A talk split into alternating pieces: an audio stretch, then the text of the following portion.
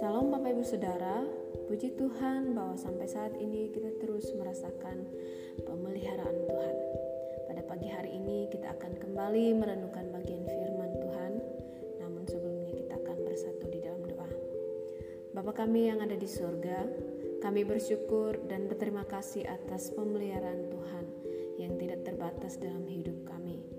Boleh melalui hari-hari kami karena kami ditolong oleh Tuhan. Bapak saat ini kami akan belajar dari bagian firman-Mu. Mari Tuhan berkati kami supaya kami dapat memahami firman-Mu dan kami juga melakukannya dalam kehidupan kami. Dalam nama Tuhan Yesus kami berdoa. Amin. Baik Bapak Ibu Saudara, pada pagi ini kita akan belajar dari bagian firman Tuhan yaitu Yesaya pasal 47. Kita membaca bagian ini, kita akan mengetahui bahwa pasal ini berbicara tentang pembalasan Tuhan kepada Babel atas tindakan mereka terhadap umat Tuhan. Di pasal 47 ini, Tuhan e, mempermalukan bangsa Babel. Di sini dikatakan bahwa mereka akan mendapatkan malapetaka dan bahwa dewa-dewa mereka tidak akan dapat menyelamatkan mereka.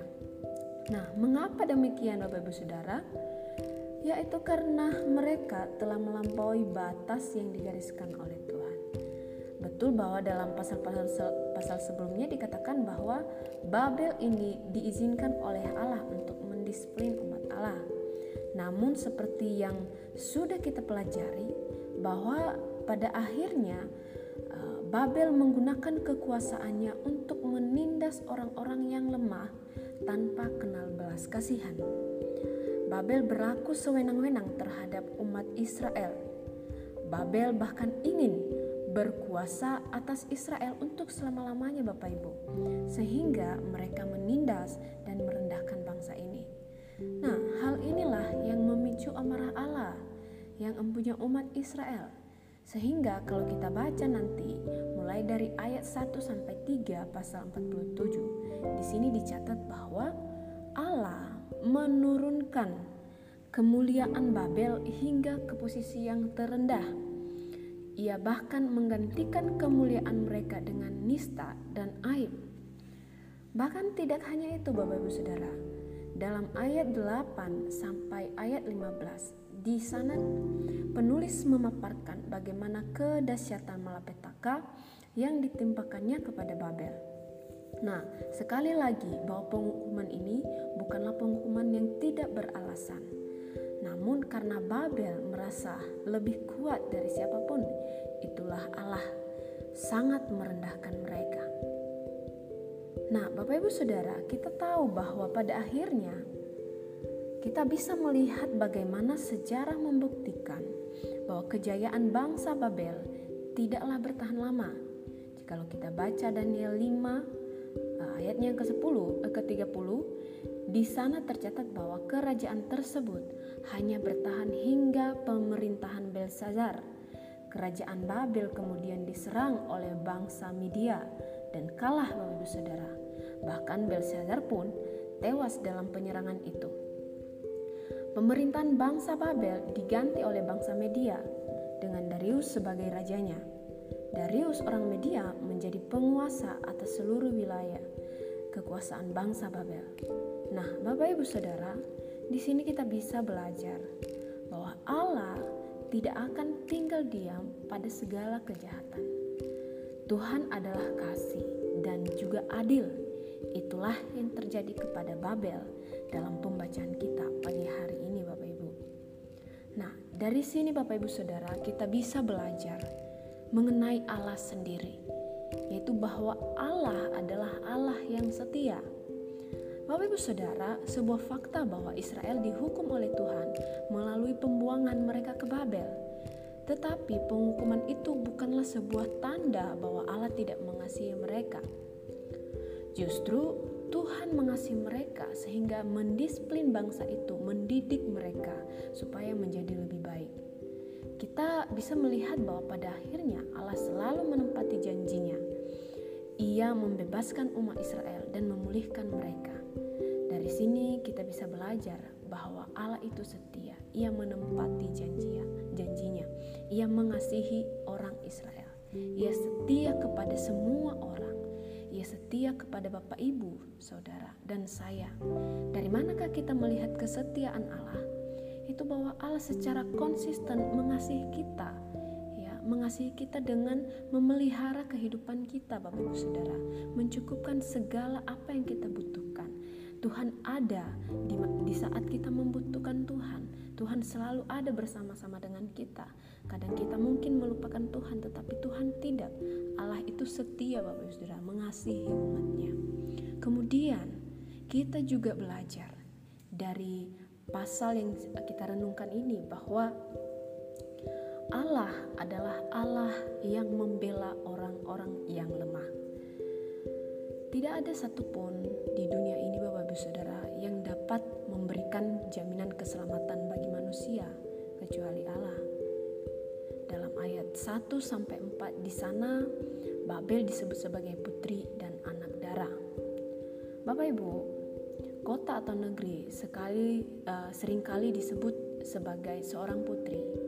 Di sini Babel dilihat sebagai anak darah yang belum pernah dikuasai orang yang duduk di atas tata dalam istana dilayani dan dimanjakan. Dan dalam ayat 5 sampai 7, Babel dilukiskan sebagai ratu yang berkuasa atas bangsa-bangsa. Pemerintahannya akan berlangsung untuk selama-lamanya. Nah, oleh sebab itulah hal ini dipegang kuat oleh Babel bahwa mereka adalah yang terkuat dan tidak ada satupun yang dapat mengalahkan mereka.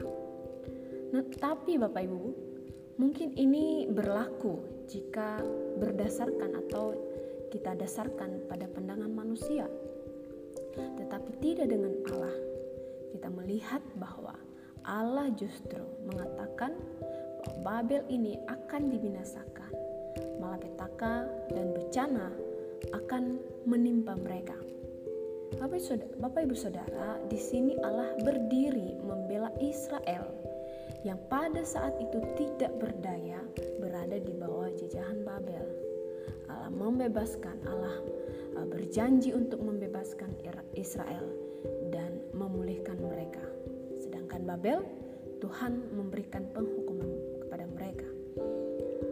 Bapak Ibu Saudara, mungkin kita tidak sedang dijajah seperti yang dialami oleh Israel, tetapi mungkin kita kadang-kadang mengalami kondisi yang seperti ini, di mana mungkin kita dianggap rendah, diperlakukan tidak baik, bahkan tidak dianggap oleh orang lain. Tetapi pada firman kali ini, Bapak Ibu, pada pagi hari ini, firman mengingatkan kita bahwa jika kita hidup di dalam Allah kita percaya bahwa Tuhan bahwa Tuhan akan berpihak kepada mereka yang lemah. Tuhan akan berdiri mereka yang dipandang orang lemah, Bapak Ibu Saudara. Karena Allah itu setia, Allah itu kasih dan Ia uh, peduli dan Ia membela orang-orang yang dianggap orang lain uh, seperti orang lemah, Bapak Ibu. Terkadang Bapak Ibu Saudara, kita juga ya, mungkin kita tidak sedang di dalam posisi uh, direndahkan, tetapi kadang-kadang kita juga memperlakukan baik. Kita menganggap mereka lebih rendah dari kita. Kita menganggap orang lain lebih rendah mungkin karena uh, status ekonomi maupun maupun jabatan lebih rendah dari kita.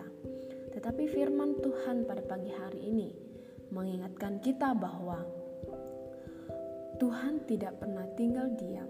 Ia akan selalu berdiri membela mereka yang tertindas, Bapak Ibu Saudara.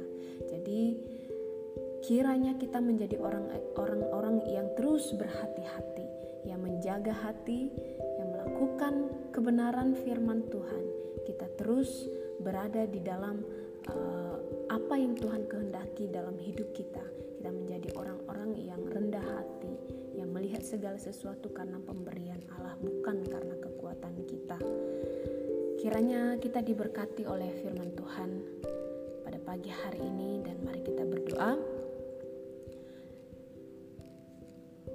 Bapa Surgawi, terima kasih atas kebenaran-Mu kepada kami pagi hari ini. Kami diingatkan kembali untuk selalu hidup sesuai kebenaran firman-Mu. Kiranya Engkau terus memampukan kami Tuhan, agar kami uh, dapat melakukan bagian firman-Mu ini dalam hidup kami. Terima kasih Tuhan Yesus.